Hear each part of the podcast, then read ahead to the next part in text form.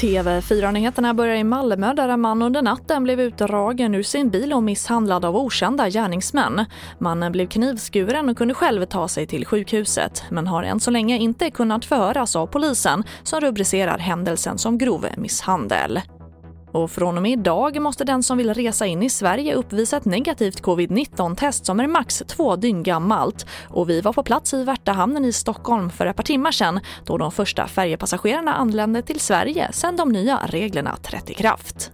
Det är några som, som vi tyvärr fick eh, neka inträde idag. Så att det är inte alla, men, men de flesta kom igenom. Det var några vi fick vända på. Och där hörde vi polis Ulf Bajas.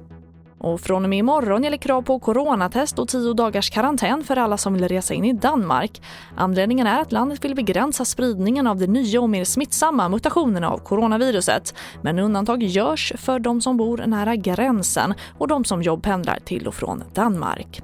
TV4-nyheterna, jag heter Charlotte Hemgren.